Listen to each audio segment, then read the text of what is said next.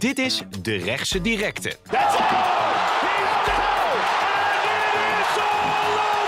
De vechtsportpodcast van De Telegraaf. Met Lars van Soest en Wilson Boldewijn. Welkom allemaal bij een nieuwe aflevering van De Rechtse Directe, de vechtsportpodcast van De Telegraaf. Naast mij zit mijn partner in crime, Lars van Soes. Lars, alles goed jongen? Ja, gaat goed. Ja? Heb je er een beetje zin in? Woehoe! Woehoe! Om even zoals jou Je uh, hebt een knipoog naar mijn, eh, mijn item in de tank die bij, uh, bij Lubach te zien was. Ja, Hij heeft mij nog beroemder gemaakt dan dan ik al was bent. natuurlijk. Tegenover ons zit niemand minder dan de Glory Matchmaker, Robbie Timmers. Je komt vers van Schiphol, althans vers uit Thailand, want daar woon je. Ja, klopt. Helemaal uit Thailand. Ik ben er net 12 jaar aangekomen, dus ik zit nog een beetje met jetlag. Ja, Maar we zijn er. En je hebt het koud, hè? Ik heb het heel koud. ja. Als je vanuit Thailand komt, dan Ja. is het hier wel even aanpoten. Ja, de eerste paar dagen. Je woont op Ja. een van die eilanden, toch? We gaan het zo verder over hebben. Welke? Koh Samui. Koh Samui. Ja, mooiste eiland. eh, Mooiste eiland van Thailand. In de, dat is in de golf van Bengalen, toch? Of Nee. Hoe heet het ook alweer daar? is gewoon de Zuid-Chinese zee, of hoe heet dat? in, in Thailand. Thailand. We het daarom houden. Thuis- Ja, ik dacht, ik, eh, dacht deze jongen die vult mij helemaal met Nee, informatie. nee, hoe dat helaas. lengtegraad, breedtegraad, helemaal niks. Geen dat aardrijkskundeleraar, hè? Komende zaterdag hebben we Glory 83 in Essen. Dat is een beetje in de buurt van, eh, van Düsseldorf. Eh, we gaan het hebben over de ontwikkeling van het kickbox en eh, wat is de stand van zaken in de heavyweight divisie bij Glory. Maar we beginnen met de... De leverstoot. Robbie, jij bent heel goed voorbereid op deze eh, vraag. Voor de mensen die het nog niet weten. Wat heeft de gast op zijn lever? Wat zit hem dwars? Mag, hoeft niet eens werkgerelateerd zijn. Mag privé zijn. Mag de ergernis die je had in het vliegtuig over eh, wat er werd geserveerd. Noem maar op. Dat had ik eerder moeten weten, maar nee, werkgerelateerd. Ehm, ik denk toch dat ik het eh, moet hebben over de, de media. We zijn natuurlijk Oh, heel blij. Zit je bij nu? Ja, precies, daarom. Daarom even kijk- uitkijken wat ik zeg. Maar eh, de media, we zijn natuurlijk hartstikke blij met de media. Wat ze, wat ze doen voor, eh, voor eh, in ons geval voor de sport en hoe ze het in een daglicht brengen. Alleen soms ben ik wel van mening dat soms informatie wordt gemeld die niet altijd helemaal klopt. Of dat het bepaalde dingen uit de verband worden gerukt. En wat ik in ieder geval hoop dat de media wel ziet, de verantwoordelijkheid neemt. Dat ze in ieder geval weten dat als ze zulke dingen zeggen, als ze dingen uit de verband drukken om meer kliks te krijgen of wat dan ook, dat ze wel realiseren dat ze een bepaalde vechter, organisatie of een sport toch kunnen schaden. Nu moet je wel met een voorbeeld Ja, gaan, nu ik. eh, ben ik benieuwd. Ik heb uh, zat Nee, maar noem maar eens één. Noem Ja? eens eentje. Nou, bijvoorbeeld, de, de, de- er is bijvoorbeeld een, eh, een mediabedrijf, wie ik niet bij naam zal noemen, die bijvoorbeeld zei dat wij naar Duitsland evenementen gingen organiseren om doping te ontwijken. Weet je, terwijl het uiteraard niet het geval is. En ik ben nooit gebeld met een, eh, om, eh, om daar een antwoord op te geven. Dus eh, nu zit ik hier, dus nu kunnen we dat Nou, maar daar kunnen we wel even op inhaken. Ja. Want eh, jij zegt Het nu... is ook wel een levensstoot. hè? Het mag. Het Ja, mag, maar- ik ben blij dat hij het Ja. zegt, want dan kunnen we het uitleggen. Dit wordt dan jouw levensstoot terug? Nou, ik... ja, en dit is een voorbeeld. figuurlijk, En dit is een voorbeeld. Ik heb er Ja. nog meer. Nee, nee, nee, maar als we het over Nou, deze... Als we het over deze hebben, eh, dat gaat het over, over ons. Want, eh, maar wij hebben het niet zo gezegd. Of over, over mij in Hmm. dit geval. Ik heb het niet zo gezegd. Ik heb gezegd dat het opvallend was dat voor corona heel veel evenementen in Nederland op een rij werden georganiseerd. En nu eigenlijk na corona een stuk minder. Sinds ook natuurlijk de dopingautoriteit eh, weer betrokken is bij Glory. Eh, zeg ik natuurlijk niet voor niks. Ik zeg alleen, of ik zeg in eerste instantie het valt op. En ik zeg het ook Hmm. omdat eh, ik hoor ook de geluiden rond Glory, vanuit Glory. Dat, dat jullie ook in jullie maag zitten met de huidige cultuur nog qua doping. Want ja, ik begreep ook, ja, eh, het liefst zeg jij ook eh, wat er, als er iets fout is, gooi het auto niet open en dan zeg je dat. Maar ja, jij, jij kan ook niet nu als matchmaker zeggen, oké, iedereen die gepakt wordt, die schorsen we jaar en klaar. Want dan, dan, dan ben je je eigen nest aan het bevuilen eigenlijk. Hè? Dan, dan, die tijd is daar misschien nog niet rijp voor. Heb ik uit betrouwbare bron vernomen hoe de- dat jullie er zo over denken. Reactie, Robbie? Ja, ik weet niet wie jij zijn eh, betrouwbare bronnen zijn, maar zo is niet hoe wij daar helemaal over, na, over denken. En in ieder geval, de reden dat wij nu naar andere landen gaan is uiteraard omdat wij een globale organisatie zijn. En door corona waren wij uitgebreid wat meer gebonden aan Nederland, omdat daar hebben we nou e- eenmaal een eh, sterke markt.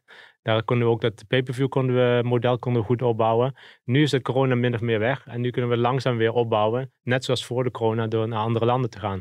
En waarom, waarom zijn er eigenlijk dan zo weinig evenementen in Nederland tot nu toe geweest? Ten opzichte van ja, die laatste paar jaar voor corona. Toen waren, waren er Ik- acht ik op een rij en eh, liep Nederland uit ervoor. En nu zijn er Nee, ik denk, maar een ik paar denk eerlijk geweest. gezegd dat we nog steeds. Wij in corona hebben we sowieso weinig evenementen gedaan. Hoeveel deden we dat? Drie, vier Ja. per jaar. Ik heb een paar keer in een lege Ja. hal Ja. gezeten. Nou, ja, precies. Ja, dus, eh, en nu is, nu is corona er voorbij. Nu gaan we langzamerhand weer naar andere markten. En we, nat- natuurlijk moeten we Nederland eh, sterk houden waar we sterk zijn. Maar we gaan ook weer terug naar andere landen waar, waar we talenten rond hebben lopen. Waar we de fans hebben rond hebben lopen. En zo proberen we een beetje uit te bouwen. Maar dat, Maar het, Eh, het is toch wel ook opvallend dat je, kijk, als je zegt van ja, we willen de kickboxwereld uitbreiden en we willen internationaal Hmm. weer worden, dan snap ik dat je naar Duitsland gaat. Eh, maar waarom dan altijd ook dezelfde, aan diezelfde grensgebieden? Je kan ook zeggen, we gaan naar Berlijn, want ja, daar is ook een grote Duitse Hmm. markt. Of naar München. Maar het is dan net, net over de grens bij Nederland wat opvalt natuurlijk. Hè? Ja. Ook omdat waar we het net over hebben, er zijn recent weer wat dopinggevallen geweest. Nee, maar dat is puur, zo bouw je het ook weer op. Kijk, Mhm. Nederland is, is toch weer een andere markt. eh, andere markt. We kunnen, er zijn ook veel vechters van, eh, vanuit die regio die, die interessant voor ons zijn. En zo bouwen we langzaam op. Mhm. Weet je, we zijn ook naar Mexico gegaan. We gaan eh, naar Japan gegaan. En zo proberen langzaam op hand be- beginnen we weer alles op te Maar bouwen. als we dat over die doping kwestie dan even Ja. kort nog hebben. jullie zitten denk ik wel mee in je maag. Want het zijn natuurlijk wel, het is een imagoprobleem wat het jullie oplevert. Eh, het zorgt ervoor dat, dat, dat mensen denken van nou eh, ja, allemaal, eh, allemaal gebruikers en Hmm. wa- waarom gaan we nog kijken? Ja, en als de vechters wegvallen voor langere tijd. nou ja, overeen die heeft een dood positieve plas ingeleverd. Stel dat hij jarenlang eruit is, dat is voor jullie ook natuurlijk Ja. onhandigst. En als, helemaal als het met meerdere Ja. vechters gebeurt. Want ja, wie blijven er dan nog over? mocht, mocht, mocht dat het geval, mocht er sprake zijn van positieve gevallen, waar we sowieso niks over kunnen zeggen, maar mocht dat het geval zijn, Alleen per ongeluk op de website. Eh. Nou, ik, heb niet, eh, de website niet gezien. Maar mocht, mocht er in ieder geval een geval zijn, dan uh, ja, dat, het is helaas jammer. Maar het, zijn wel, het is wel een initiatief die wij zelf hebben genomen. Wij zijn zelf, zonder dat we enige, enige verplichting hebben, zijn we met dopingtesting begonnen. En wij zijn uiteraard hartstikke voor een, een, een schone sport.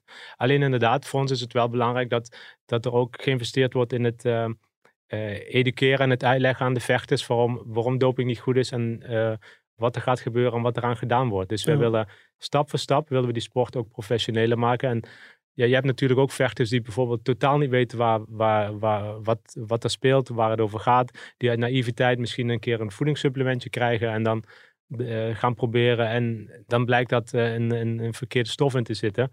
Dus daarom vinden wij, wij zijn hartstikke voor een schone sport. Maar het moet wel voorzichtig worden opgebouwd. Ja, maar, maar, het klopt wel toch dat als jullie in Nederland partijen organiseren, evenementen organiseren, dat dan de dopingautoriteit daar sowieso bij betrokken moet worden.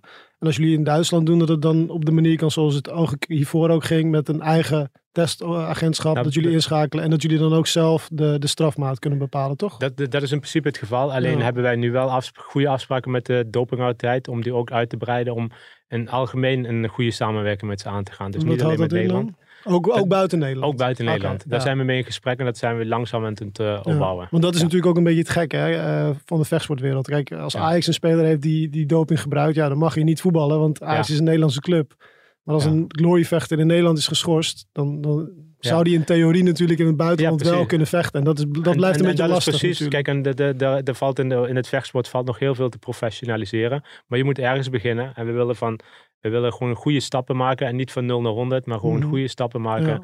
En ja, 100% naar een schone, schone Ja, sport. terwijl, terwijl dat grijze gebied, dat blijft natuurlijk ook lastig. hè. Als je zegt van we willen niet, we willen niet 100% streng zijn, maar ook niet 100% alles loslaten, dan blijft er een grijs gebied, wat natuurlijk een beetje lastig is soms. Nee, het, is niet grijs, want het is eh, positief of negatief, toch? Ja. Dus Nou, zo grijs is het niet. Nee, nee maar ik bedoel meer van, eh, jullie weer niet van 0 naar 100 in één keer. Ja. Maar er is eigenlijk in de, in de vechtsport of in de dopingwereld, is het of je Mhm. bent positief of je bent negatief. ja, maar zo is het ook bij Glory. Ook bij natuurlijk. Glory is het zo. Je bent of positief of negatief. Ja. Maar eh, nou, laten we zo... Uitgebreide komen- was dit. Uh, heb jij nog iets anders op je lever?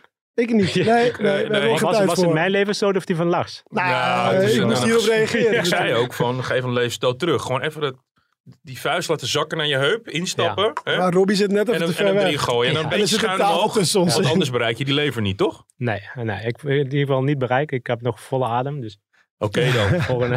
Robbie, dan gaan we meteen even verder met jou. We gaan Nog 40 naadloos, we gaan naadloos over in, jouw, eh, in jouw levensverhaal. Ja. Eh, jij komt uit? Geboren in Maastricht. Ik heb eh, voornamelijk in Nieuwegein gewoond. Trainde altijd, eh, ben met kickboksen begonnen in Amsterdam bij Lucien Cabin. En ik woon nu in Thailand. Robbie, eh, even jouw, jouw vechtsportverleden. Waar ben je begonnen? Waar kom je vandaan? Ehm, ik ben met judo begonnen. Toen ik vier was heb ik altijd gejudo'd. In Maastricht. Nee, ja, ik ben een bunde was dat. eh, volgens mij Bundia, ben ik begonnen. Ben ik Nieuwgein, Nieuwgein verhuisd, daar judo opgepakt. Maar dat beviel niet echt. Toen zijn we, uh, ben ik, heb ik judo opgepakt in Amersfoort. Zijn we naar Amersfoort gegaan, bij Boersma Sport. Dat was een hele goede school.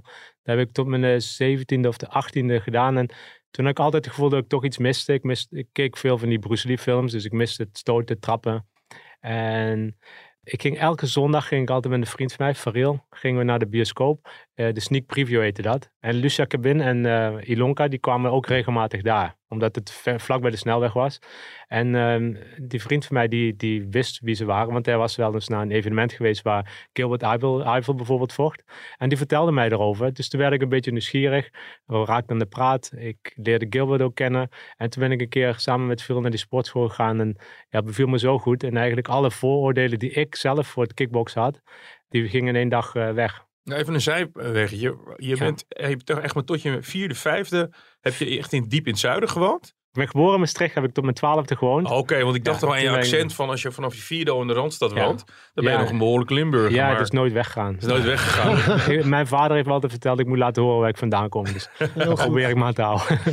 maar, maar laten we even een soort versnelling nemen. Hoe ben je matchmaker geworden. Je, je, je bent niet uh, een topvechter geweest, maar je zit wel bij een toporganisatie. Hoe ben je zo daar terechtgekomen? Nou, ik, ik heb sowieso, ik, toen ik eenmaal in dat vechtsportwereldje zat, heb ik, uh, kwam ik er eigenlijk niet meer uit. Ik heb van alles gedaan. Ik heb evenementen georganiseerd, management gedaan, een magazine gehad, eigen winkel, eigen boxmerk. Dus ik heb eigenlijk alles wat je in het vechtsportwereldje kan doen, uitgeprobeerd.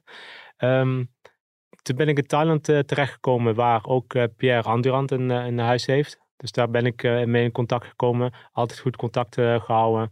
Toen ben ik uiteindelijk bij uh, Glory ook gekomen. Ook via, via mensen die ook destijds voor Glory werkten. Dat was na het faillissement, hè? Was dat? Dat jij erbij komt, toch? Nee, ik was voor. Oh, voor al? Ja. ja. Toen verder, ging het ineens... Voor. Eigenlijk vanaf het begin. Vanaf het begin. Toen kwam ik erbij. Toen ging het failliet. Nee. nee. ik was van het begin, uh, ik was vanaf het begin erbij. Zoveel, Alleen na het faillissement uh, ja, ben, ik, ben ik doorgegaan. En uh, toen in die functie als matchmaker. Ik zat altijd in de afdeling die zich onder, handen, onder andere bezig hield met matchmaking. Maar na de, na de restart is het, ben ik dat zelf gaan doen. Ja. Na het vertrek van uh, dat Cor. Was, Cor, hè? Ja, Cor Hemmers. Ja, Cor Hemmers, Raymond Dalen. Toen heb jij het overgenomen, ja. zeg maar. Hoe, ja. hoe, kun je uitleggen hoe, jou, hoe, jou, hoe jouw werk eruit ziet? Uh, de meeste mensen hebben geen idee. Ze zien jou misschien dan bij de uh, face, de weigh-ins, zien ze jou tussen de vechters staan. En ja. dan uh, kijk naar voren voor ja, de foto. helaas is dat niet het enige wat ik, uh, doet meer, wat ik moet hè? doen. Nee, maar eigenlijk... eigenlijk je belt gewoon heel veel. Ja, ik bel heel veel. Ik word heel veel gebeld. Ik neem ook vaak niet op, maar... Daar merken wij nooit wat van. nee, jullie bellen nooit. Je moet altijd Neelke bellen. ja, precies. Ja, ja, precies. Je mag mij niet bellen. ja, uh, hoe mijn werk eruit ziet. Eigenlijk, mijn werk is niet alleen matchmaken, maar eigenlijk alles wat met vechters en met de sport te maken heeft. Dus alles wat met uh, de regels van de sport, uh, de... Uh, de juryleden, de scheidsrechters, alles wat daarmee te maken heeft met vechters, contractonderhandelingen, scouting. Eigenlijk dat vallen, valt op onder mijn afdeling. En dat matchmaken, hoe ziet dat eruit? Want voor veel mensen klinkt dat misschien een beetje spannend. Van, nou, je belt de hele dag met vechters, jij tegen ja. jij. Uh, hoe, hoe, hoe werkt dat precies?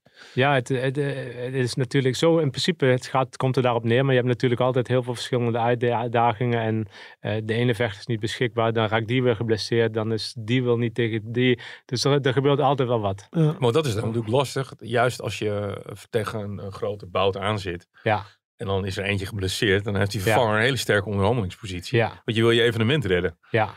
Ja, dat is lastig, geluk, geluk, het, is het is sowieso lastig. Uh, maar we hebben altijd contracten. Waar we die toch wel enige vorm van uh, bescherming biedt. Maar ja, dat blijft lastig. De, ook de week voor een evenement, dan elk telefoontje dat je krijgt, dan krijg je bijna een hartverlangen Ja. van, oh jee, geen blessure, geen blessure. Nou, we hadden toen natuurlijk Rico Ja, tegen, tegen Alistair. ja, En Alistair heeft geblesseerd. ja, Het gonste al een tijdje rond toen. ja. En dan moet je opeens je Mal Ben Sadiq bellen. Ja, ja, wij krijgen dus eerst het telefoontje al en dan, oh jee, weet je. En dan moet je dus eh, een oplossing gaan vinden. En je moet en een eh, teleurgestelde vechter, eh, en je hebt de vechter teleurgesteld die geblesseerd is, die er enorm van baalt. Dan heb je een tegenstander die je moet informeren dat hij niet, eh, eh, dat hij niet de partij krijgt waar die eh, voor, voor vast stond. En dan heb je ook nog natuurlijk het publiek die je tevreden moet halen, houden met een, een goede vervanger. Nou, vooral het publiek, want je zit natuurlijk ook met je pay-per-view en, ja, en je precies, videoland. publiek. en ja, iedereen wil, je wilt natuurlijk zo hoog mogelijk eh, publiek Ja, en zoveel mogelijk kijkcijfers, zo hoog ja, mogelijk. precies. En dan zie je hoeveel factoren er, een matchmaking van hoeveel factoren dat afhankelijk is. En die moeten allemaal maar net op, het, eh, op de juiste plek vallen. En dat gebeurt eh, vrijwel nooit. Ja. Dus, Want hoe lastig is, ik kan me voorstellen, je, ja, je bent een sportliefhebber, een vechtsportliefhebber, je kijkt naar eh, de rankings, je ziet, oké, die wil ik tegen die. Hoe lastig is ook dat financiële component soms? Want ik kan me voorstellen dat, ja, dat je soms ook moet nadenken van, oké, sportief gezien wil ik die tegen die zetten, hmm. maar dat is misschien commercieel gezien niet zo interessant, dus misschien moeten we een grotere naam, ietsje lager op de ranking staat, tegenover hem zetten om, ja, om, die, om, dat- om een evenement op poten te kunnen Ja, in- zetten. Alistair kan- kwam bijvoorbeeld gewoon als, als, als outsider, toch? Op zich, die stond niet in de ranking op dat moment. Het is niet op de ranking, maar dat is wel een vechter die zo'n staat van dienst heeft. Dat, Ja, dat die in onze ogen wel. eh, Maar dat was natuurlijk, Dan- ja, dat- als dat was gebeurd nu, dat kon nu niet. Maar dan had Plazibad Hmm. natuurlijk weer boos geweest. Terwijl het op zich te verdedigen is dat je een grootheid als Alistair Ja, neerzet. ja, ja, ook omdat precies. het ja. commercieel interessant is. Maar hoe lastig is dat voor jou om daar ook rekening mee te houden? Ehm, in principe niet, want voor ons is natuurlijk sportief oogpunt eh, wel het belangrijkste. En Alice is, eh, eh, heeft natuurlijk ook sportief, los van het feit voor potentieel commercieel doeleinden, heeft hij natuurlijk ook sportief een eh, behoorlijke staat van dienst. Maar is er niet iemand die, die deel zegt jou van ja Robbie, allemaal leuk en aardig. Maar we willen die, die Gelderdoom vol. Dus ah, nu moet Overeem even naar voren worden geschoven in de rij. Puur als voorbeeld nu hè. Maar daar heb je misschien ook mee te Ehm, maken. nat- natuurlijk heb ik, heb ik ook een, een, een board waar, waar we overleg mee hebben. Maar ook die, eh, de sport gelden niet. eh, dat is in ieder geval voor ons prioriteit. Ja, Het, moet, ja. het, moet, het moet logisch zijn. Het plaatje moet in, in zijn totaliteit Ja, kloppen natuurlijk. Ja. Dat snap ik ook. Ja. We hebben nu natuurlijk eh 83 hè, in, eh, in Essen. Ja. Glory 83. Zijn jullie erbij? Ik ben erbij. Ja. Lars, eh op Ik er niet. afstand. Nee. Dan dan lag zoeken ze wel uit, hè, de partijen waar die Ja. gaan. Ja, maar Nou, Lars, nou, ik heb laatst... heb Lars ik- is een luxe dier. ik ben een werkpaard. Nou, wij, wij zijn bij Nee, nee, nee, diverse Glory Rivals Nee. evenementen geweest. In kleine zaaltjes. Ik heb eh Je Badder tegen Overeem natuurlijk. Je moet eerst nog over de plas heen. Nou, dat is niet zo'n probleem. Dat doe ik zo. Voor Glory roei ik dat stuk. Nee. Jullie hebben wel Fililand, toch? In Texel. Zeker, ja. Ja. Loud en clear. Nee, nee maar ja, ik heb eh, zelfs Badder Overeem moeten missen natuurlijk. En dat deed ik niet voor mijn lol. Maar Nee. dat was ook werkgerelateerd. Dat ik- Ja, maar Ja. Lars is ook eh, eh, part-time Formule 1. eh, althans fulltime. Maar je gaat ook naar de Formule 1. Soms ook dit jaar weer. 1, Want. Erik heeft, is vader geworden. Dus eh, je gaat het waarschijnlijk heel druk krijgen. Eh, welke, welke pot kijk je het meest naar uit? Ik weet dat je matchmaker bent. Maar je hebt altijd wel een klein beetje een voorkeur. Ik, heb meerdere voorkeuren. Eigenlijk, ja, het voordeel welke ook van, is, als eerste in je opkomt. Is je voorkeur. Ja, die titelpartijen natuurlijk. Ja. eh, vind ik altijd, om, ook omdat er veel vanaf, de titelpartij hangt altijd veel vanaf. Vind ik Ja. natuurlijk spectaculair, maar er zijn ook tig van andere jongens waar ik ook heel erg naar uitkijk. Dus, dus ik vind het altijd moeilijk te zeggen. Vooral omdat ik toch ook de partijen zijn die ik neer heb gezet. Eh, Ik probeer altijd partijen neer te zetten die ik denk dat in de zin van de sport eh, zinvol zijn. Maar ook natuurlijk wat ik denk dat het publiek graag wil zien. Ja. Je zegt er hangt veel vanaf van die gevechten. Eh, natuurlijk, Titel. er staat een titel op het spel, Ja. maar hangt er ook voor jou veel vanaf? Want ik kan me voorstellen, als je kijkt bijvoorbeeld naar de partij Wisse Almeida en dan hebben we ook nog eh Serkan tegen Brown. Dat zijn Hmm. natuurlijk ook partijen die met elkaar te maken hebben. Hè? Ja. Dat- bedoel Ja. je dat op die manier? Ja, in principe, ja, in principe dat heb je, heb je goed gezien. Het, inderdaad, als Serkan, eh, de, de winnaar Serkan tegen ehm, Brown, die winnaar zou eventueel wel de, de volgende titelmatch kunnen worden van, tegen de winnaar van Wisse Almeida. Ja. Ja. Duitsland is trouwens in potentie hè, met, met, met zijn boksverleden. Eh 80, eh 85 miljoen inwoners uit mijn hoofd. Eh, Duitsland 80 Ja. miljoen plus. Dacht ik. In, in principe is het een hele grote markt voor jullie. Ja, hè? precies. Je had het met eh Lars moeten hebben toen hij over die levensgroep Nee, maar los, los, los, van, los van het dopingverhaal, dat schuif ik even terzijde. Ja. Eh, Nederland blijft natuurlijk klein. Ja. En in Duitsland zit natuurlijk al heel veel potentie. ja, maar ik denk, ik denk dat dit, dit ook wel de potentie van, de- van de sport aangeeft. Dat, eh, Ze kunnen er alleen nog geen klap van. We eh. zijn al zo... nou, daar verkijk je op. Ga maar ja, kijken is, zaterdag. is, het, Er is, zijn het, is het behoorlijk niveau jongens- aan het... eh, ja, er zijn jongens die echt, eh, echt eh, waar ik echt blij, heel blij mee ben. Die Ja. gewoon echt, eh, echt heel veel potentie hebben. En, maar dat blijkt dat Nederland een klein landje is. En toch al de, de, eh, de, de sport zo groot maakt. Je kun je nagaan wat, wat er gaat gebeuren als we al die andere landen het... eh, Hoe is de aandacht van, van Duitse media op dit moment bijvoorbeeld? Is dat eh, booming als jullie daarheen gaan? Veel aanvragen? Of, eh? behoorlijk wat aanvragen. Ja. Ik moet het meer, ik moet het eh, even naast me kijken. En, eh, Neelke, eh, persvoorlichter van, eh, van Glory. Jij zit hier ook bij met gezellig met Robbie bijgekomen. We trekken je meteen even naar de microfoon. Ja, Jij bent er ook bij natuurlijk in Duitsland. sorry. Als we het over de media aandacht hebben in eh, Duitsland. Ik, ik, ik vind het altijd een beetje tegenvallen als je hoeveel Duitse pers er is. Ja, vind ik ook. Dit wordt onze derde keer in Duitsland. we zien in Duitsland dat de, gewoon, ja, het voetbal is het allergrootste. Dat is natuurlijk in Nederland ook zo, maar in Duitsland nog wel echt veel meer. Daarna komt uh, voor het, de vechtsport komt MMA als eerst. Komend weekend is er ook een ander evenement uh, in Duitsland, in München. Dus daar gaat de meeste pers naartoe. En ook regionaal proberen we het echt op te pakken. Maar, Want dat is een uh, MMA-partij in München. Ja, ja, ja. ja. Er zit wel groei in Duitsland. Je zegt, we doen nu voor de derde keer. Het is wel belangrijk dat er natuurlijk, waar we het net over hadden, die internationale markt moet groeien. Dat er wel meer aandacht komt steeds. Ja. Er zit toch veel meer in, we hebben toch veel meer in Duitsland gezeten. Ook als je Ja, de partij. Als je Rico uh, tegen, tegen Badder 1 Ja, Ja. uh, Ja, dat is eigenlijk zeg maar we, van vorig jaar gezien, Ja, precies, zeg maar. precies. Ehm, dat we echt bezig zijn om de Duitse markt weer te veroveren, zeg maar. Maar ik denk, ja, daar hebben we een strategie in gekozen. Dus Robbie heeft een aantal Duitse vechters aangetrokken... waarvan wij eh, zien dat ze populair zijn in bepaalde regio's. Dus die nemen hun fans mee en zo moet het gaan groeien. Ja. We nodigen ook wat influencers uit en wat MMA-vechters... om ook te laten zien dat kickboksen ook heel tof is om naar te kijken. Eh, maar dat moet echt nog groeien. Ja, ik kan me nog wel herinneren dat je die partij... wa- Was jij nou ook bij tegen die beetje die Poolse Duitser? En er was heel veel hype omheen.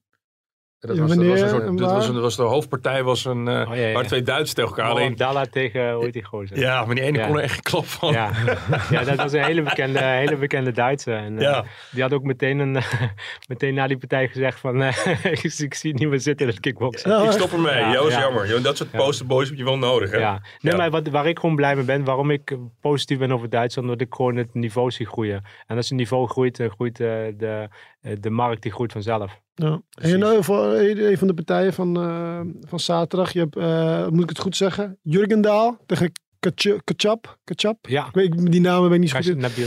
Maar dat zijn natuurlijk twee eigenlijk nieuwe zwaargewichten. Wat Ja. kunnen we van hem verwachten? Want daar gaan we het zo ook over hebben. De zwaargewichtdivisie, die kan Ja. wel wat vers bloed gebruiken. Hè? Ja, en ik kijk ook, eh, zoals ik heb aangegeven, dat we nu uit die coronaperiode zijn en we volop gaan organiseren, betekent ook dat ik ruimte heb voor nieuwe jongens, nieuw talent aan te trekken, wat we de afgelopen twee jaar bijna niet hebben kunnen doen.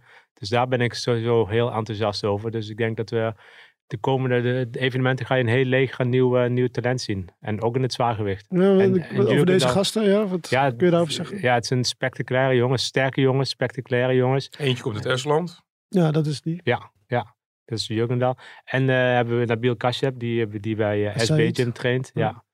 Ja, is gewoon eh, is echt, echt een knokker, eh, puur zang. Dus ik ben heel benieuwd wat die gaan eh, brengen. Hebben die de potentie om zich ook aan de top te melden? Eh, ze hebben sowieso potentie. Alleen nu, moeten ze, nu is het dus aan hun. Dus ik, ik zie wel dat er potentie is. En nu is aan hun te laten zien en, op welke, welke schaal. Ja. Ja. Dus, Duidelijk. We gaan even sparren. We gaan even al het andere vechtsportnieuws doornemen. Tijd voor een rondje sparren. allergrootste nieuws is natuurlijk dat McGregor terugkomt, Lars. Ja, ja laten, we, het- laten we het even snel doen, want we hebben nog veel met Robbie te bespreken. Maar inderdaad, McGregor komt terug, gaat tegen Tyson Chandler vechten in augustus. Nog niet bekend waar en precies wanneer. Maar ja, wel mooi voor de sport dat hij terugkeert. Ze gaan eerst... eh, Geld nodig, denk je? Denk het, denk het niet, maar ze gaan eerst ehm, de Ultimate Fighter. Gaan ze als coaches tegen, staan ze tegenover elkaar. Dan begeleiden ze allebei een team. En die teams, daar zitten vechters in die strijden om een, eh, UFC-contract. Ik zat nog wel te denken dat dat concept is natuurlijk wel dat- ja, heel populair. Heeft voor veel populariteit van de UFC in ehm, Amerika gezorgd. Maar is het ook iets voor jullie? Zo'n eh, zo'n soort concept bij Videoland? Dat is natuurlijk de perfecte... ja, we zijn, eh, we zijn druk bezig daarmee. Ja? Jullie zullen het nieuws wel hebben gehoord dat wij, wij zijn sowieso bezig met een reality show met eh, Videoland. En eh, we zijn nu de, ja, de details aan het invullen. Dus daar komt snel heel veel nieuws mee. Dus Oké, daar zijn we wel is heel enthousiast op over. deze manier een beetje... eh, Uiteraard beter. Uiteraard beter. ja, maar ja, een ja. reality show kun je ook zeggen, we gooien 20 man in een huis en we zien wel wat er uit Ja, voortkomt. Of is het we- echt een... We zijn nog aan het sparren over, over het exacte concept, maar we, zijn, we zijn ver. En ik denk dat we het heel snel naar buiten kunnen brengen. En ik denk dat het echt uniek gaat eh, zijn voor het kickboksen. En eh, sowieso ook het hele kickboksen naar nog een groter level kan brengen dan het nu al is. Klinkt goed. Fedor die heeft verloren, hè? Ja. Van, eh, van eh, Ryan Bader. Beter. Bader, Bader.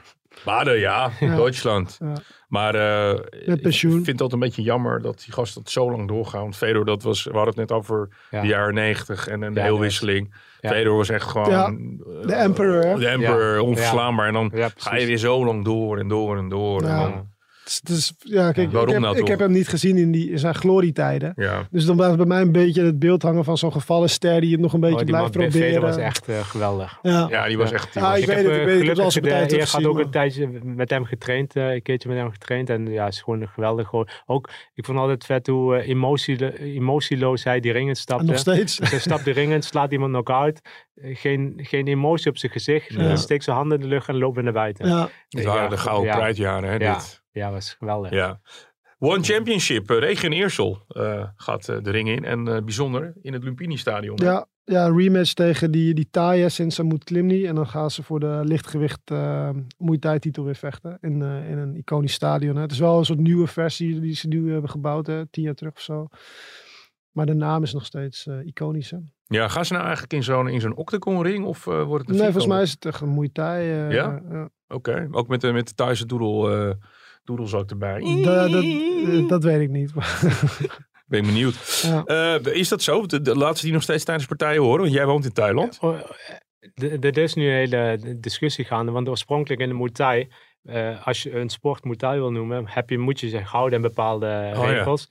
Dat is onder andere die Y-crew. Je moet die Muay Thai attributen hebben, dus die monkon en die, eh, die armdingetjes. Ja. En ehm, eh, het kan natuurlijk niet in de kooi plaatsvinden, maar moet in de ring. Ja. Weet je? Dus dat is nu een discussie die er er plaatsvindt of het wel Muay Thai genoemd mag worden. Ah, oké. Hmm, Ja. nou, Want het eerste gevecht was natuurlijk eh, sowieso in, in een kooi. Hè, tussen uh, Eersel en Klimni. Dat was gewoon in die Ja, eh volgens mij wel. One Ja. of kooi. Hadden ze, hadden ze ook, eh, hadden ze, ze hadden ook handschoenen aan, toch? Oh, die kleine handschoentjes. Ga- Kleine Ja. handschoentjes, ja, Ja, ja, precies.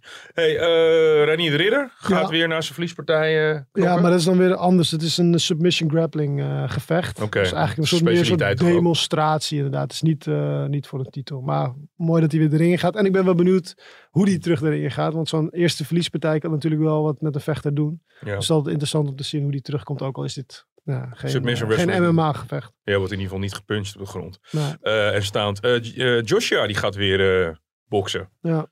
Ja, Ja, het is- ik, ik heb toch een beetje het gevoel van leuk dat hij weer terugkomt, maar hij doet niet meer helemaal mee of zo. Want ja, hij heeft gewoon de belangrijke partij verloren. En ja, Tyson Fury, Deontay Wilder staan dan toch wel staan de A-boxers van dit moment. En hij is dan toch afgezakt tot B-niveau of zo. Hè? Hij, heeft- hij neemt het op tegen Jermaine Franklin, als ik het goed zeg. En het is de eerste keer in zeven jaar dat hij niet voor de titel vecht. Ja, ik vind dat wel nou, ja, typerend voor zijn status op dit Ja, moment. maar ik denk dat, dat dat maakt ook een kampioen, hoe je, hoe je terugkomt van verliespartijen. Ja. Kijk naar Rico bijvoorbeeld. Rico, die was in de jaren geleden, was hij ook eh, niet, eh behoorde hij ook een beetje tot de subtop. En, eh, t- t- wa- en er waren er heel veel mensen die zeggen van die gaat het nooit redden en kijk waar hij nu staat. ja, maar Joshua is wel, als je naar de bankrekening kijkt, waarschijnlijk wel een hele andere orde van grootte. hè?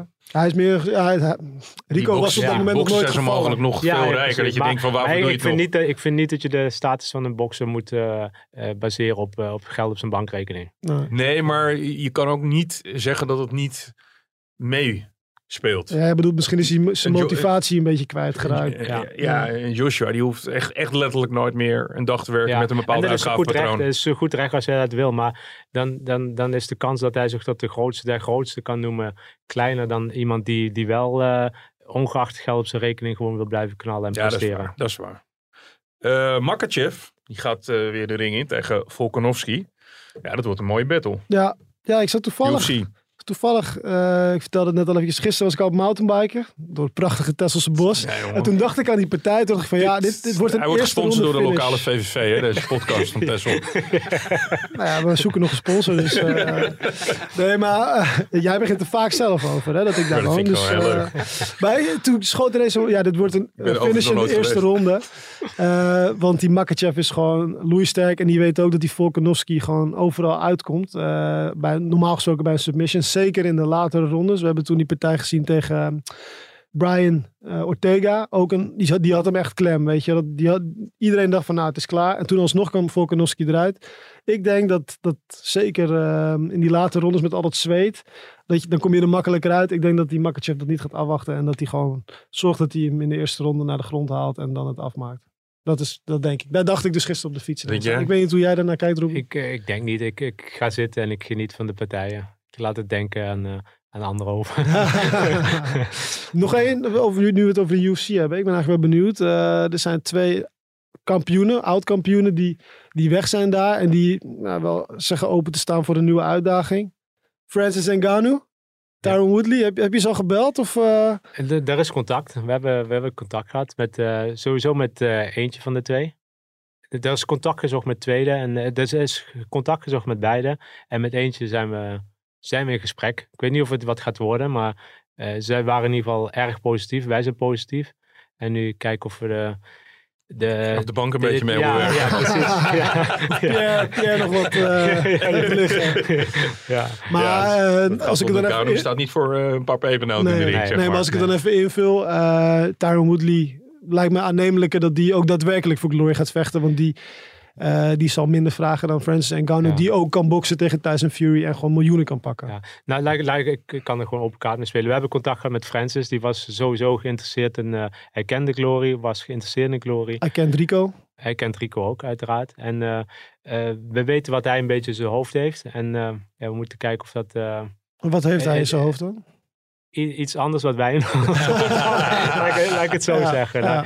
Het, uh, een paar nulletjes. Ja. Oké. Okay. Het is, uh, het is, uh, het is, het is een heel groot bedrag. Nog, op dit moment niet, niet echt realiseerbaar, maar maar het zou toch voor gesprek. Glory wel geweldig zijn als zo'n naam. Dan, dan staan jullie mondiaal in één keer op de kaart. Dan kun je, kun je een paar evenementjes in Duitsland schrappen. Dan, ja.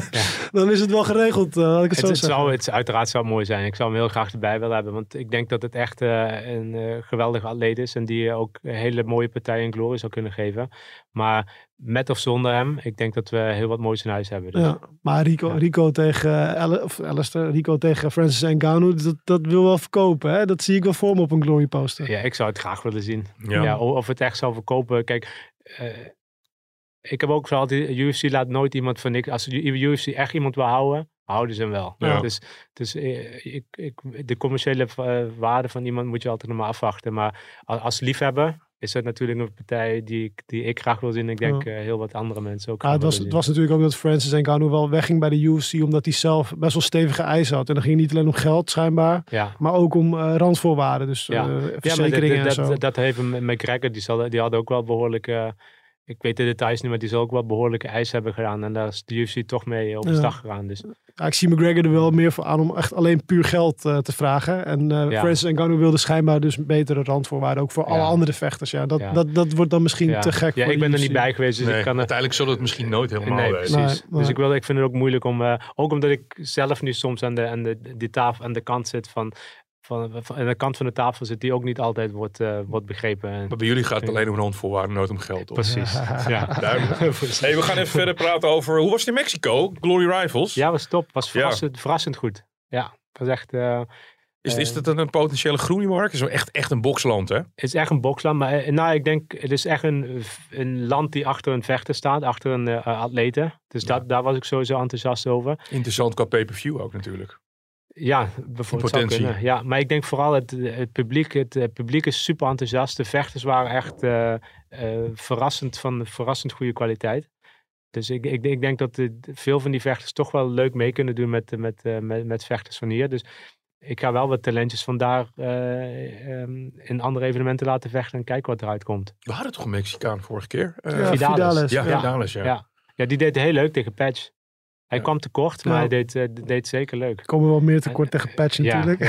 Ja, ja, ja.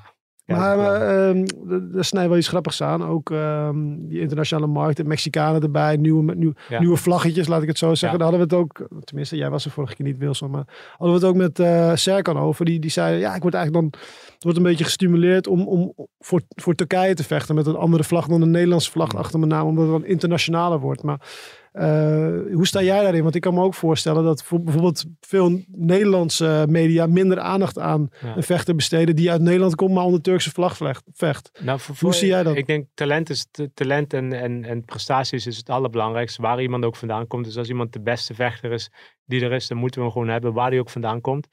Maar we moet, er moet wel aandacht besteed worden om het niveau in andere landen, andere regio's omhoog te brengen. Ja, maar het is en, natuurlijk, en kijk, dat, dat als is... ik het vanuit Nederlands perspectief kijk, hè, als, als, als er, zoals aankomende zaterdag vechten er eigenlijk maar een paar, misschien één of twee onder Nederlandse vlag.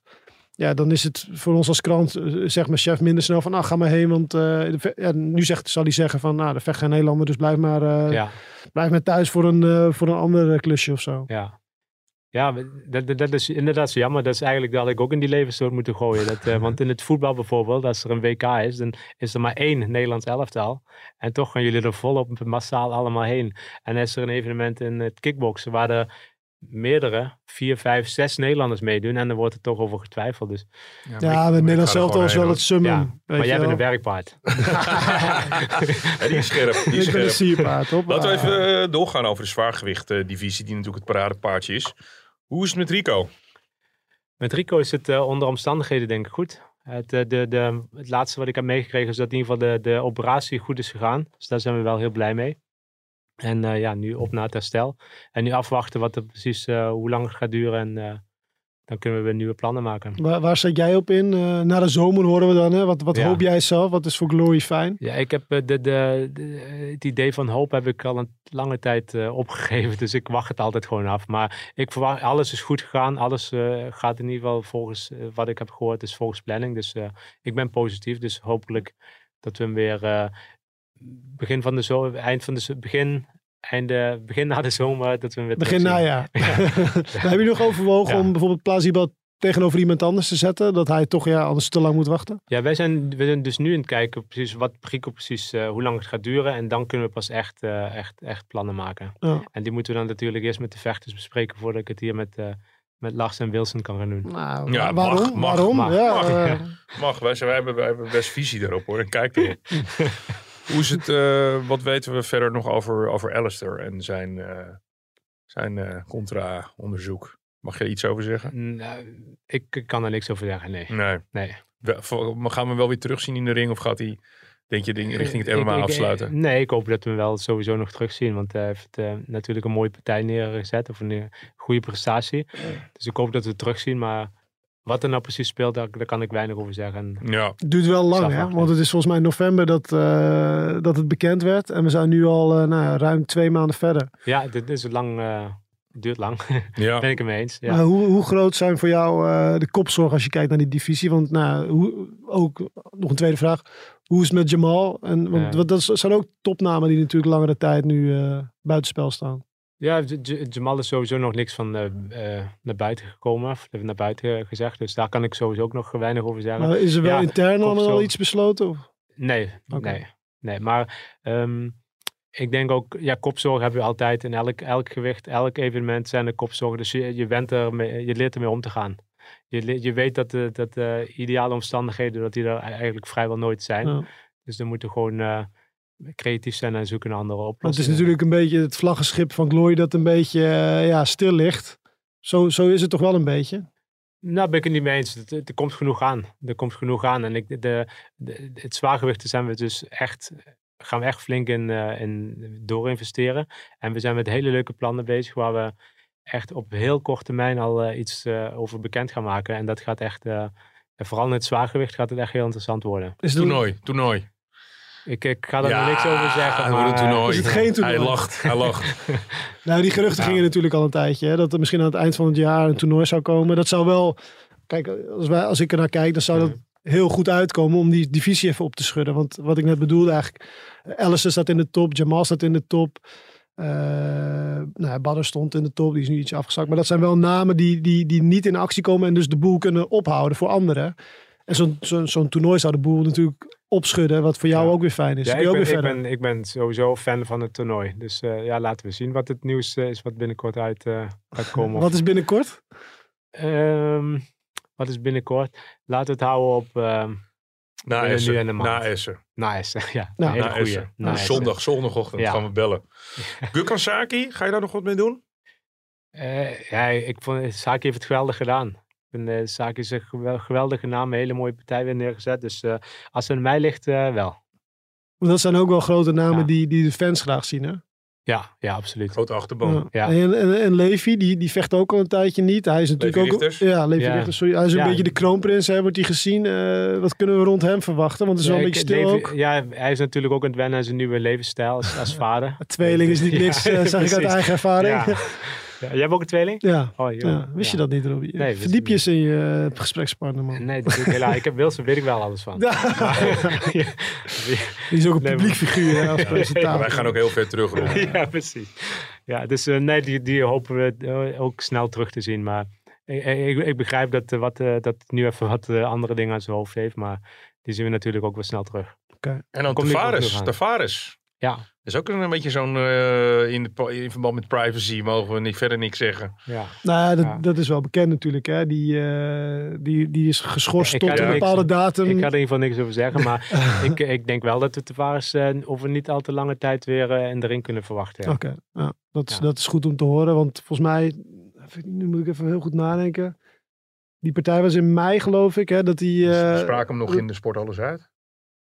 Eh, Was hij er? Nou, ik was trouwens Jij in was daar. Jij ja. was er niet. Ik heb hem nog Alweer niet, was je daar ook niet? Was ik ook niet. Nee, nee, Ah, nee. is ook heel vaak wel hoor. Ja, jullie sluiten zelf een deal met Videoland. Eh, dan ga ik lekker thuis. eh, ja. En mijn mopperen over niet komen. En mijn mopperen over niet komen. Nee, was zonder dolle. een, eh, een, sorry, jij wou hem nog even Nee, afmaken? zonder dolle, we zijn er vaak om. Ja, nee, niet, ik niet elk evenement. We zijn, we zijn heel, ondanks mijn uh, levensstoot, we zijn blij met jullie. Hoor. Kijk.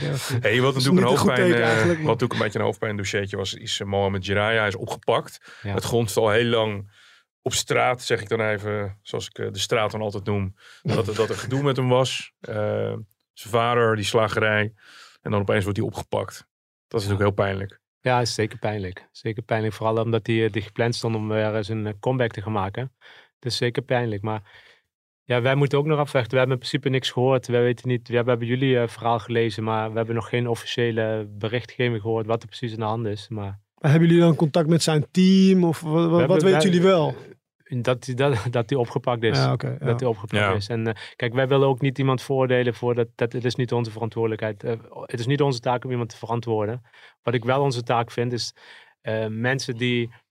die en dan praat ik niet over Jiraya, heb gewoon over het algemeen. Mensen die, die lijken een bepaalde richting van hun leven op te gaan. Ik vind wel dat wij hun de mogelijkheid moeten geven om. om, om om door middel van sport of in kickboksen de kans te geven om, om op, een, op een normale manier aan eh, geld te komen. Ja. Weet je, dus Ja. ik wil nooit, daarom wil ik nooit vechters die bijvoorbeeld in het nieuws komen of dat er geruchten zijn, meteen bijvoorbeeld al veroordelen. Dus Het gerucht ze- zou, zou zijn Ja, dat het OM hem preventief heeft opgepakt. Ook Ja. in verband met het evenement in Duitsland. Ja. Ja, en omdat hij op een dodenlijst staat. Omdat hij op een eh, dodenlijst Ja. staat. Althans, Ja. dat staat ook in ons artikel. Alleen niet van dat preventief oppakken. ja. Dus zijn arrest wordt ook trouwens gewoon verlengd. Dus er ligt een aanklacht. Ja, maar Ja. ja. precies. Hij, is ook, hij wordt ook verdacht van. eh, Ja, klopt. eh, maar je kan altijd kiezen en, wanneer je eh, iemand oppakt dan. En Ja. ze hebben Ja. een bepaalde timing gehad, het Openbaar Ministerie. Maar hadden jullie, hadden jullie van tevoren, achteraf gezien, misschien van tevoren eh, dieper moeten graven rond hem? Omdat het, ja, het is toch wel een gevaar. Kijk, met Jamal hebben we het ook Kijk, ja. meegemaakt. Hè? Die, die aanslagen Kijk, op ik, panden ik ben van zijn al, kijk familie. wij, ben- wij zijn geen politie, wij zijn geen, geen, geen, geen, zijn, wij zijn geen jury.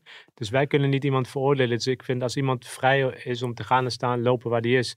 En ook zijn, zijn baan als, bij wijze van spreken, als hij vakkenvuller zou zijn, zijn, baan, zijn werk zou kunnen doen. Maar jullie Waarom organiseren wel niet- publieke evenementen waar natuurlijk Ja. mensen op afkomen. en als ze en- dan een ja, misschien- gevaarlijke En misschien is dat achteraf gezien, misschien is dat, dat, dat de politie toch eh, iets nauwer moet gaan samenwerken. Mocht alles wat er gezegd wordt waar zijn, dat de politie en wij nog nauwer gaan moeten gaan samenwerken. maar hoe, hoe werkt dat precies? Stel dat, dat, dat er iets is rond een vechter. Bellen jullie, wie bellen jullie dan? Of, Kijk, in, in Nederland is het zo. In Nederland moet ik zeggen, Nederland eh, is wel ver vooruit. Dus in Nederland, eh, op een Nederlands evenement, dan heb je natuurlijk de vechtsportautoriteit die eh, een support doet. En die heeft dan natuurlijk contact met de politie. Ja, in andere landen zijn ze, niet, zijn ze daar niet. Ja. Dus dan werkt het. Maar die, even, Neelke ja. die zat echt te branden. Neelke, ja, ik heb daar wel iets over te zeggen. Ja. Eh, ook in eh, de landen hieromheen kijken we altijd, daar hebben we het ook wel eens vaak Mhm. over gehad, van hoe gaat dat nou? Eh, wij weten natuurlijk dat er om bepaalde vechters, bepaalde geruchten, dat die rondgaan, die kennen wij ook, die horen wij ook. Eh, gaan we altijd in gesprek met die autoriteiten om een soort van onderzoek te doen. Dus dat doet ons productieteam. Die gaat altijd eerst met hun in gesprek van hebben jullie daar iets over? Weten jullie informatie waar Ja. wij rekening mee moeten Ja. houden? Want we, wat dat betreft hebben we natuurlijk veiligheid op nummer één. Maar waar ik eigenlijk gebrand naar was om eventjes toe te lichten, is dat ik ook reacties op social media zie over dat Glory niet altijd eerlijk is over wat er precies met de vechters aan de hand is, wat er precies speelt. Ehm, maar ik denk dat mensen niet moeten vergeten dat het zijn allemaal Ja, dat persoonsgegevens. is waar. Dus kijk, jouw dokter vertelt ook niet waarom je bij hem op bezoek kwam. Eh, als wij al iets weten, dus als Robbie al iets hoort, toevallig van een familielid of van iemand anders, dan is dat omdat het een vertrouwelijk gesprek is. Maar desondanks willen wij het wel weten. denk ik. Ja. Ja, dat snap Ja, ik. het, is natuurlijk een- het zijn publieke figuren die, die geld verdienen met eh, Ja. vechten in de openbaarheid. En als zij Ja, dan... nou, ik snap het. Ja. En heel eerlijk, we zouden ook het af en toe graag willen vertellen. Ja. Omdat het af en toe ook niet aan ons ligt. Mhm. Maar het zijn gewoon persoonsgegevens. Dus als wij die delen, dan gaan wij zelf... Overtreed je de Ja. wet. Ja, Maar ja, Ja. laatst natuurlijk hadden we dat verhaal met Jamal Ben Sadiq, die eigenlijk jullie forceerde om naar buiten te treden. Ja, dat was natuurlijk... eh, ja en eh, op die manier hebben we ook het op een hele goede manier moeten ver- verwoorden. Ja. Omdat we die wet niet willen overtreden. Dus dat maakt het steeds, zitten wij ook een beetje in het nauw. We willen eigenlijk Ja. graag eerlijk zijn. Maar wij Maar nemen dat niet jullie niet kwalijk. En dan moeten jullie ons niet kwalijk nemen. Want wij lopen te vroeten. Ja, daar zijn jullie journalisten voor. Dat snap ik, dat snap ik. ja. Ja.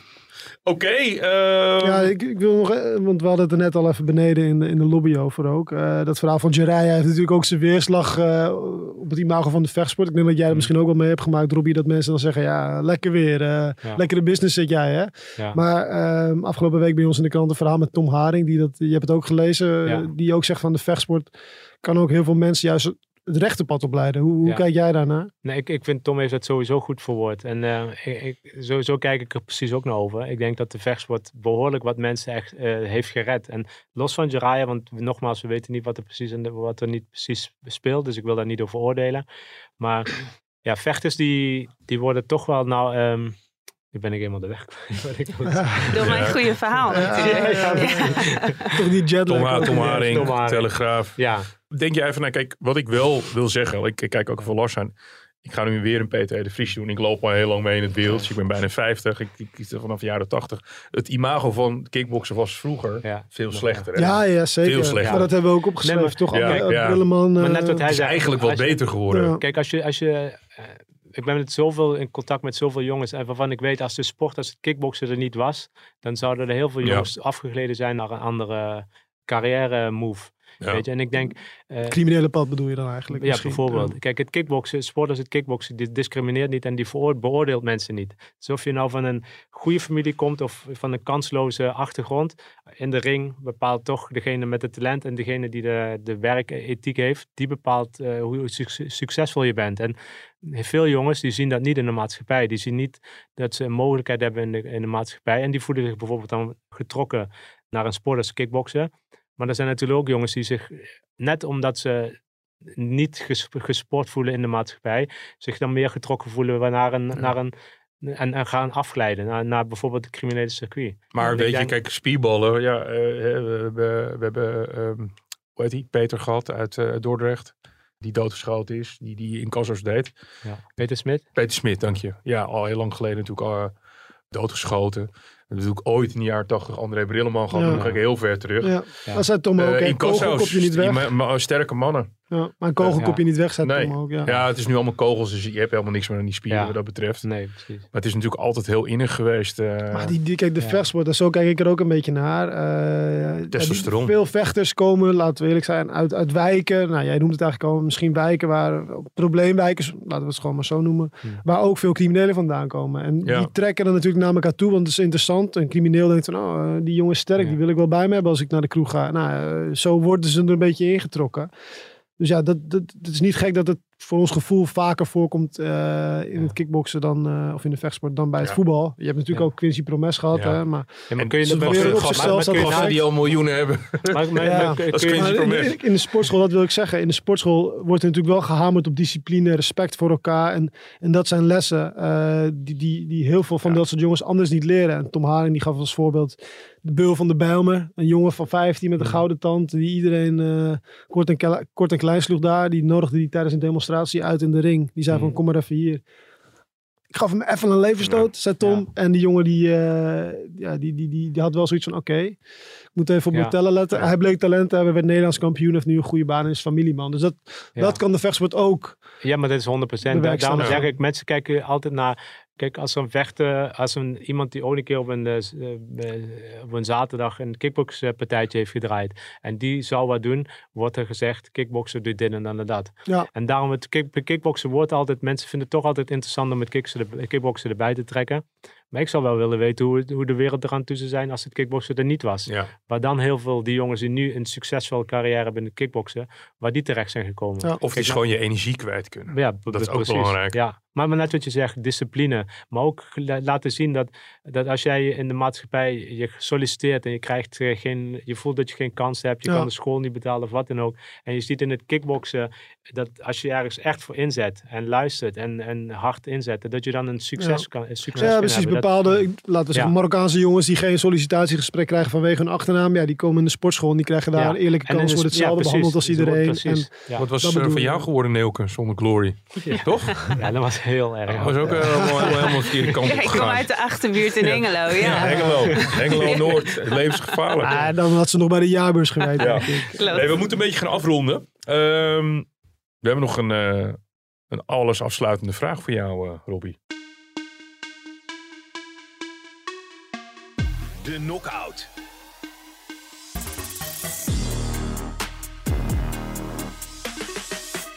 Robbie, Ja. jij mag als matchmaker, los van alle commerciële randvoorwaarden, wat is het ultieme gevecht dat jij, eh, ongeacht gewichtsklasse ook, dat jij zou willen neerzetten? Ja. Wie tegen wie? Misschien ook wel zonder, laten we zeggen, zonder eh, tijd. Dus, dus de vechter van, eh, uit de jaren tachtig of een vechter uit, eh, uit dit jaar. Wie zou je tegenover elkaar zetten? Ali tegen Tyson Fury. Dat is boksen. Ah, ben je, eh, laten we ik meer ben- glory. ik. Ja, ja, ja, ik Kijk, ik ben sowieso een echte Glory fan. Dus ik sowieso... Champ versus Champ vind ik wel een heel interessant concept. Dus Tijani tegen Patch, daar ben ik echt enorm geïnteresseerd naar. Dus die wil ik graag heel zien. En dat kan in meerdere gewichten. Weet je, het kan in het, eh, in het zwaargewicht, de light heavyweight eh, kampioen, die het zwaargewicht kampioen eh, aanvalt. Ja, nu wil ik een naam. Twee namen. Eh, heb ik net gedaan. Nee, maar Tijani tegen Patch, je hebt toch ook een keer tegen elkaar gevochten? Rico tegen Ngannou zou leuk zijn. Heeft eh, Tijani heeft, heeft toch tegen Patch ooit gevochten in Nee. Utrecht? Niet? nee, dat is Titushay. Oh ja, sorry. Excuus. Siddertje is in Pompinong. ja. Zoiets, hè? Ze lijken niet allemaal op elkaar. Nee, nee, nee. Ja, dat hoor ik Maar, ook maar altijd. Rico Francis is natuurlijk ja, een soort een natte Dat- droom dat- voor de dat zou- matchmaker, dat snap zou ik. natuurlijk een eh, mooie partij zijn. Maar eigenlijk probeer ik die droompartij elk evenement neer te zetten. En eh, eh, ik hoop dat we eind van het jaar eh, een droomevenement neer kunnen zetten. Met die Dat, dat, dat dat, zwaargewicht- toernooi, dat dat toernooi, dat zwaargewicht zwaargewicht toernooi. Ja. Oh jongen, jij, wat kan jij nog slecht liegen, Ja. Ik lieg niet, ik zeg gewoon geïnspireerd. Maar, maar, maar laten we even eh, logisch nadenken dan. Eh, als, als dat gebeurt, dan doet Rico niet mee, denk ik, bij het toernooi. Hè? Want die vecht dan tekort, tekort twee gevechten Ik- kort op ik die weet niet waar je blessure. ik, ik weet niet over Ah, nu, eh, ik, ik heb alleen gezegd, een toernooi lijkt mij persoonlijk, lijkt mij heel interessant. Ah, ik probeer natuurlijk te En- vissen nu. ja. Rico heeft natuurlijk ooit dat, dat viermans toernooitje gevochten, weet je Ja. Met Kababes, Richters. En, Ja. Kijk, Rico is wel altijd iemand die geen uit, uitdaging uit de weg gaat. hè. ja. Ja. Hij altijd Rico die houdt zich, houdt zich van om, eh, of nou als acteur of wat dan ook, overal waar hij zich niet eh, comfortabel in is, dan zorgt hij wel dat hij daar comfortabel Ja. in wordt. Dus Rico gaat, Maar als ik, als, ik, als ik even naga hoe Rico ook denkt. Kijk, eh, twee keer kort achter elkaar vechten doet hij eigenlijk niet zo vaak. Mm. Dus als hij na de zomer terugkomt om dan voor het einde van het jaar nog een keer te vechten, is misschien te kort dag. En maar nu ga je Als weer heel tien jaar- speci- nu ga je, doe je alsof er al specifieke plannen zijn. De, Ja, ja, maar- ja, maar hoe komt dat ik, nou? wel, ik hoop voor het einde van het jaar dat we een mooie droompartij Ja. neer kunnen zetten. Ja, laten we zien wat maar dat- Rico, ik, kijk, gaan er meerdere plaatsvinden. ik vul het gewoon even in. Kijk, ik praat Het ook tegen. Wilson, Het want is anders ook word ik weer afbreuk. onderbroken. Het is ook door- afbreuk, Liesje. We moeten echt gaan afronden. Nee, Ja. maar kijk, wat ik nog wil zeggen. Ik, ik, ja, ik hoop dat het zwaargewicht toernooi er komt. Als het klopt wat we denken. En als we Robbie een beetje kunnen peilen. Maar ik denk niet dat Rico daar meedoet. Want eh, hij gaat natuurlijk niet eh, die tien jaar titelhouderschap op, op, op het risico nemen dat hij die kwijtraakt. Omdat hij in een partij schade oploopt. En dan in de finale half eh, geblesseerd moet vechten. Dat, zo, Dus, jij, dat bedoel je- ik. dus als ik het goed begrijp, vind jij niet dat Rico de, ehm, een toernooi zou kunnen winnen? Nee, Zeker hij wel, kan- zeker meer wel. afbreuk, Maar- naar meer risico. Oh nee, maar ik kan er wel antwoord op geven. ik, denk, ik denk als ik Rico eh, ken, dat klopt helemaal, hij gaat geen uitdaging uit de weg. Maar eh, om twee keer in een half jaar te vechten, doet hij eigenlijk zelden meer de laatste jaren. En om, eh, hij staat op die drempel van tien jaar lang kampioen. Ja, ik denk niet dat hij dan het risico gaat nemen. Ook omdat hij niet een heel groot fan is van toernooien. Hij denkt altijd van, eh, ik op mijn beste dag tegen mijn tegenstander op zijn beste dag. Dan zien we wie de beste is. En in een toernooi kun je toch net tegen de trap aanlopen die je dan in het rest van het toernooi hindert. Waardoor je niet op je best bent Ja. in de finale. En dan misschien verliest van iemand die minder Ja, dan jou is. ik Ik denk niet dat dat- hij dat risico gaat lopen. Laten we het zien. Ja. Robbie Timmers van Glory, matchmaker. Dankjewel, goed dat je er was. Ja, bedankt dat ik er mocht zijn. Neelke, kok. Ja, Ook Van. Glory, ook van Glory, ook Heel bedankt. Heel erg, Glory. ik zat heel even na te denken, oh je achternaam, wat was het ook alweer? En toen dacht ik, ja, het is Kok. Het is heel makkelijk, ja. Ik word ouder en namen worden voor mij steeds minder een probleem. En daarvoor heb ik Lars. Lars van Soes, mijn partner in crime. Dankjewel. eh Woonachtig op Texel. Woonachtig op Texel, laten we dat niet vergeten. En eh, wij gaan eh, naar Essen in Duitsland voor een mooie Glory weekend. En we gaan natuurlijk ook even een beetje schuin oog naar de UFC. En volgens mij is er ook nog een Infusion, toch? Ja. In de buurt van Nijmegen of zo? Ja, volgens mij ook. Volgens, is het niet zelfs 10 jaar Infusion? Zoiets, ja. Nou, eh, genoeg eh, voor We hebben vechtsportliefhebbers. gepland, jongens. eh, tegelijk. Alles tegelijk. Dit was de rechtsdirecte voor deze keer. Tot de volgende. Dag.